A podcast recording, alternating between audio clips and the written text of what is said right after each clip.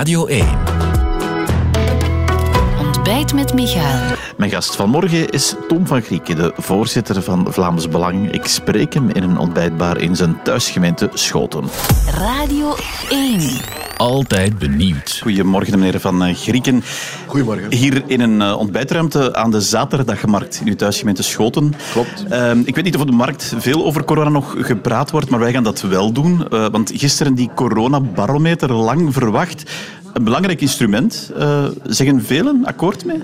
Zegt de regering. Ik heb het idee als je straks over de markt zult wandelen dat er niemand gaat zeggen ah, de coronabarometer. Ik weet niet, heel veel uh, horeca, cultuur wil, vraagt toch die voorspelbaarheid, die duidelijkheid, die komt er toch? Maar ik ben geen fan van die coronabarometer. Ook bijvoorbeeld het onderwijs weet, heeft helemaal niks aan die coronabarometer. Een coronabarometer die trouwens nooit op groen, de kleur groen bestaat zelfs niet, dus het zal niet ooit volledig afgeschaft worden. En wat nog veel fundamenteler is, waarom die coronabarometer absoluut niet moet, men heeft het CST-ticket eigenlijk gebetonneerd. Iedere kleurcode heeft wel iets waar je het, het CST-ticket voor nodig hebt. En onze grote punt van kritiek, en dat hoort je heel hard bij mensen, schaf dat CST-ticket. Ja, daar zo meteen meer over. Maar het principe van die, die duidelijkheid van bij zoveel opnames in ziekenhuizen, bij zoveel mensen op intensieve, dan worden die maatregelen genomen. Dat is toch de duidelijkheid, de voorspelbaarheid die onder meer de horeca, waar u toch Mochten altijd we dit gehad hebben in het begin van een pandemie, maar nu zo op het einde van de pandemie is het mijn inziens, maar is mijn aanvoelen, een extra excuus. We hebben ruggengraatloze uh, regeringsleiders. Het zijn wij niet hoor, het zijn de virologen die het hebben aangeraden. Het zijn wij niet, het zal nu de coronabarometer zijn.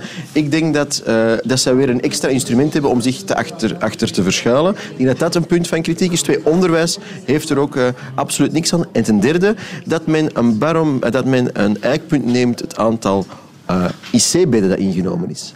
Dat is een goed eikpunt. Maar dat, dat, dat, dat is voor alle duidelijkheid Maar- een element, een ja, belangrijk element van die Er coronabarometer. staat ook in de ziekenhuisopnames. Wat stellen we nu vast? U komt voor een bepaalde aandoening in het ziekenhuis en men test u, ah, u hebt ook nog corona, dan komt u ook bij de statistieken. Of er is iemand die zich komt aanmelden, mevrouw, eh, ik voel me niet zo goed, ik heb corona. En zien, ja, u bent toch al 80, we gaan u misschien twee dagjes opnemen in het ziekenhuis, of niet evolueert, komt er ook bij. Maar heel veel van die mensen met de nieuwe Omicron-variant komen nooit op intensieve zorgen. Dus het eikpunt, het aantal ziekenhuisopnames aan zich is volgens mij een factor, maar niet beslissend genoeg. Ja. Het is de opname in intensieve zorgen. Hoeveel mensen hebben intensieve Ja, maar zorg die, nodig? die staat er vooral is een goed aspect. in. Dat is- ja. ja, niet alles is slecht eruit, Ja. maar eh, dat men ook de ziekenhuisopnames eh, een zo'n belangrijk eh, element geeft, vind ik misschien een, een, had ik iets minder gewicht aan gegeven. Ja. Maar zegt u ook van, van de maatregelen court, hè, want u verwijst nu naar, naar die maatregelen, die zijn gewoon niet meer nodig. Is het dat wat u zegt? Ik vind dat er sommige maatregelen nog steeds nuttig zijn. Zoals?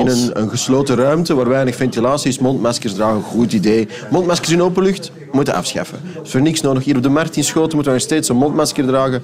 Ja, dat is een lokale beslissing, neem ik aan, Absoluut belachelijk.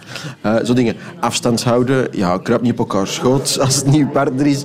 Allemaal goede maatregelen. Maar een maatregel zoals het, het sluiten van de horeca om een bepaald uur. Is eh, het coronavirus plots als... Ah, het is 12 uur, nu zijn we extra besmettelijk.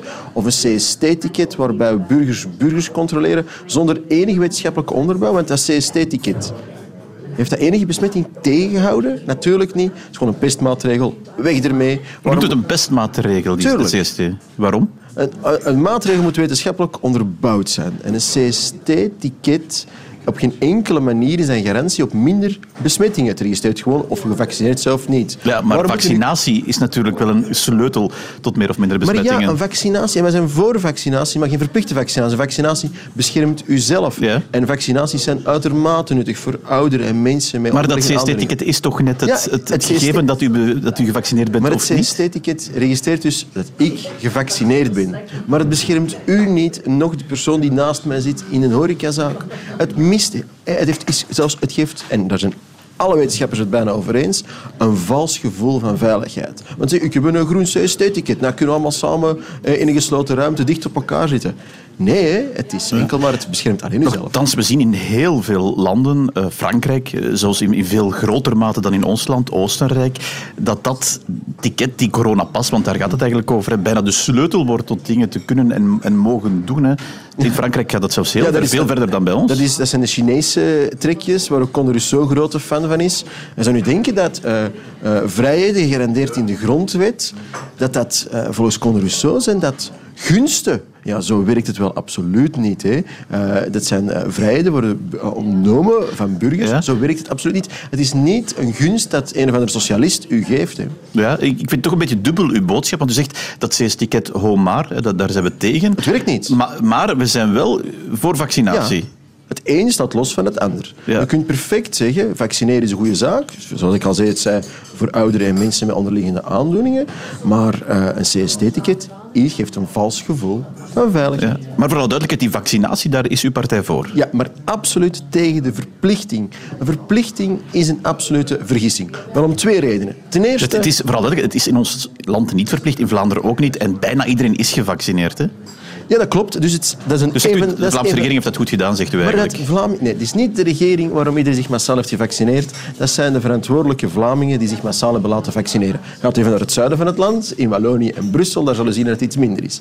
Dus ik zeg dat een verplichte vaccinatie ten eerste compleet onnuttig is. Want ten eerste, het geeft eh, argumenten voor antivaxers die zeggen, ziet je het wel, de complotdenkers, ze willen het altijd wel verplichten. Dus het gaat contraproductief zijn. En twee, en dat is de essentie van onze kritiek, er valt meer efficiëntiewinst te boeken om die 92% Vlamingen te overtuigen, gaat u een booster zetten, dan die 8% te dwingen om hun eerste prik te zetten. En trouwens, dwingen.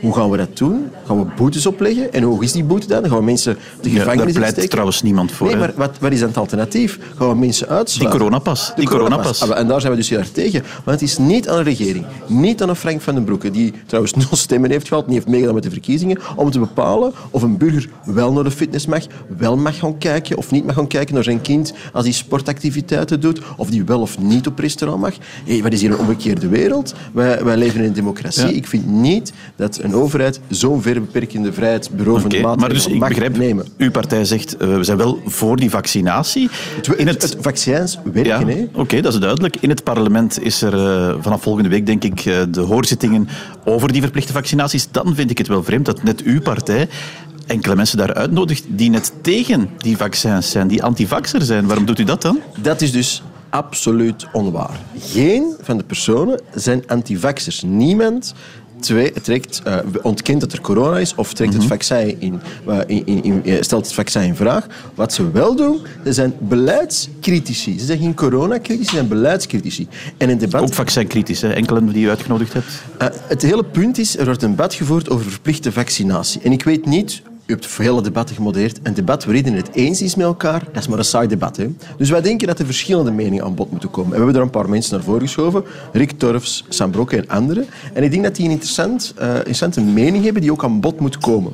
Eh, en zo gaat het met de wetenschappelijk debat ook. Je hebt een stelling, je hebt argumenten en die argumenten worden beoordeeld. Kun je dat staven of niet? Ja, ik denk dat veel mensen zich afvroegen, enfin, eh, zonder daar een waardeoordeel over te, te vellen, Rick Torfs, een, een kerkjurist, wat, wat doet hij voor uw partij in dat debat over de verplichte Hij is ook kerkjurist, maar hij kent ook heel veel over mensenrechten. Hij heeft eh, een kijk op die zaken. En ik vind het ook eh, een beetje twee maten en twee gewichten hoe eh, door eh, eh, sommige mensen in de linkse bubbel Twittersfeer Rick Torres wordt afgebrand of hij niet... Ik vraag het gewoon, hè, want ik zeg niet het- erbij het- is een alleen, vraag- Groen heeft de voorzitter van Unia, een Els Keitsman, een gebuisde groenpolitica die politiek benoemd is.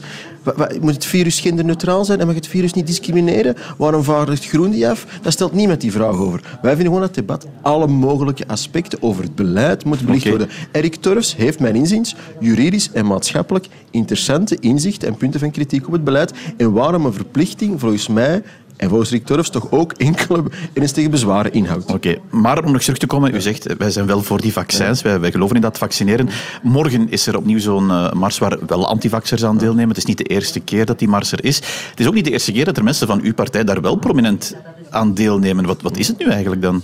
Oh, kijk, als partij roepen wij niet op voor met die betoging mee te lopen, want we weten hoe het gaat. Er zijn er achteraf 30 heethoven die een bras maken met de Maar politie. staat u achter die, achter, staat u als partij is dan die standpunten? rel- Ja, maar staat u achter die standpunten van die Maar wij staan niet achter alle standpunten, maar als standpunten de vorige betoging ging over het afschaffen van het CST-ticket, wel, daar zijn wij het mee eens. Waar een standpunt, we zijn tegen verplichte vaccinatie, wel, daar is het Vlaams Belang het mee eens. Maar ik weet even goed dat er soms wel wat eh, eh, rare snuiters tussen lopen, linkse hippies en dergelijke meer. Ja, maar u, Eh, u, u, uw niet- kopstukken, Dries van Langeloven, loopt daar ja, bijna hand in hand. maar dat er is van langer over niet hand in hand loopt met uh, linkse hippies.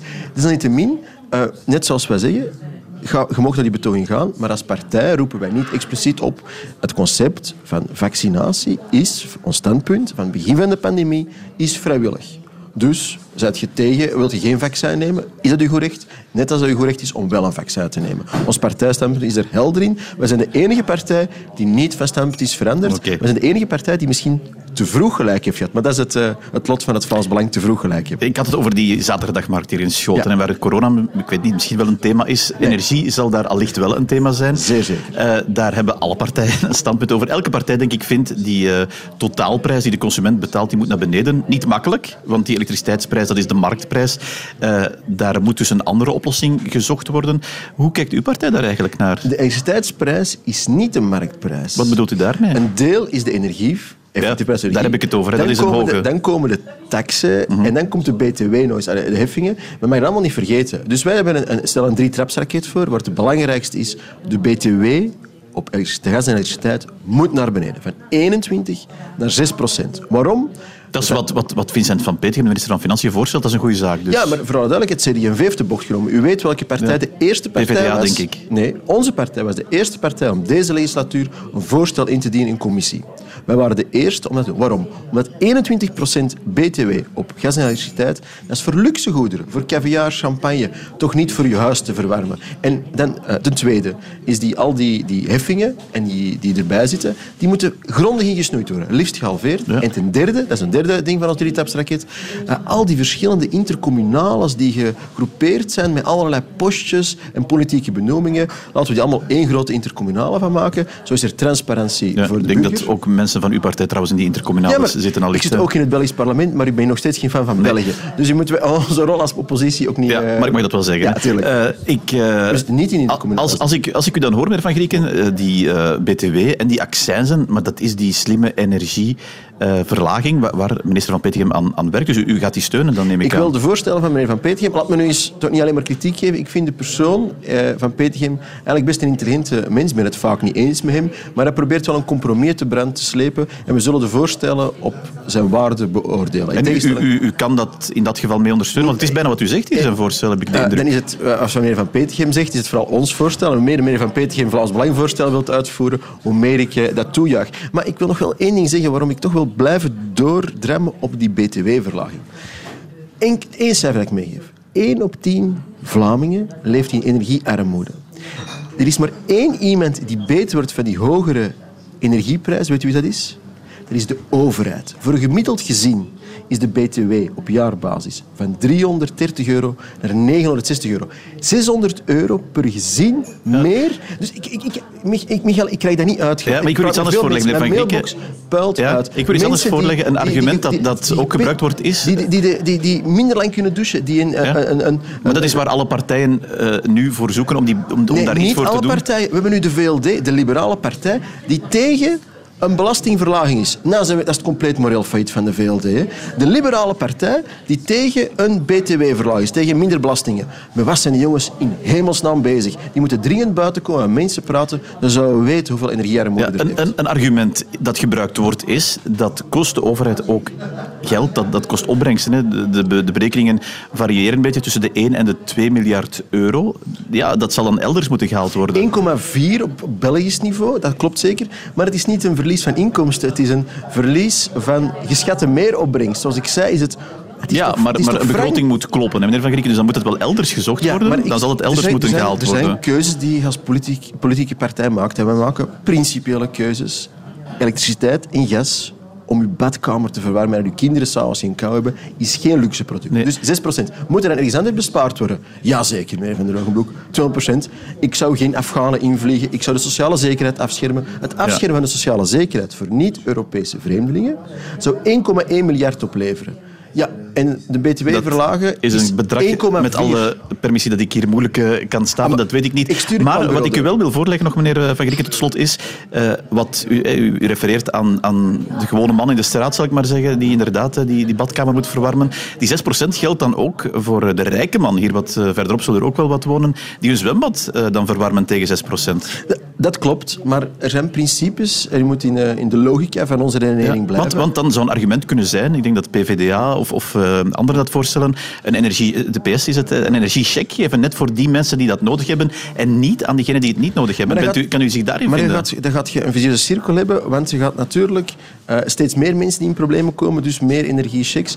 Een alternatief, maar eh, het is geen partijstandpunt, nog niet, maar ik heb er een zwak voor. Ik geloof wel in een basishoeveelheid gratis elektriciteit, gas en, zoals, en water. Ja, maar zo'n energiecheck, daar kunnen ze zich niet in vinden. De- als alles wat helpt, helpt voor mensen uit energiearmoede te halen, dat mensen hun, hun badkamer kunnen verwarmen, helpt, helpt het. Maar de enige echte duurzame oplossing, mijn inziens, is die btw-verlaging. Oké, dan hebben we corona gehad en energie. Ik wil nog heel even over de nieuwjaarsrecepties. Alle Ja. politieke partijen doen dat. Alle partie- politieke partijen doen dat. Velen dit weekend ook digitaal.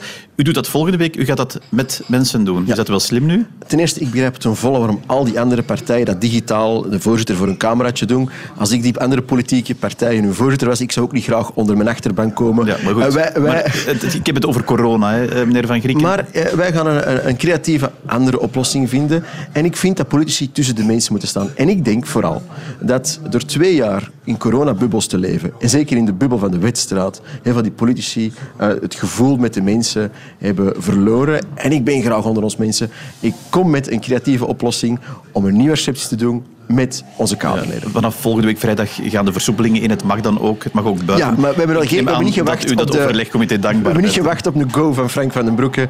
Eh, dat zal nooit gebeuren. Oké. Van Grieken, dank u wel voor, uh, tijd Graag voor het gesprek. Dit was Ontbijt met Michael, een podcast van Radio 1. Ontdek nog meer podcasts van Radio 1 in onze app en op radio1.be. Altijd benieuwd.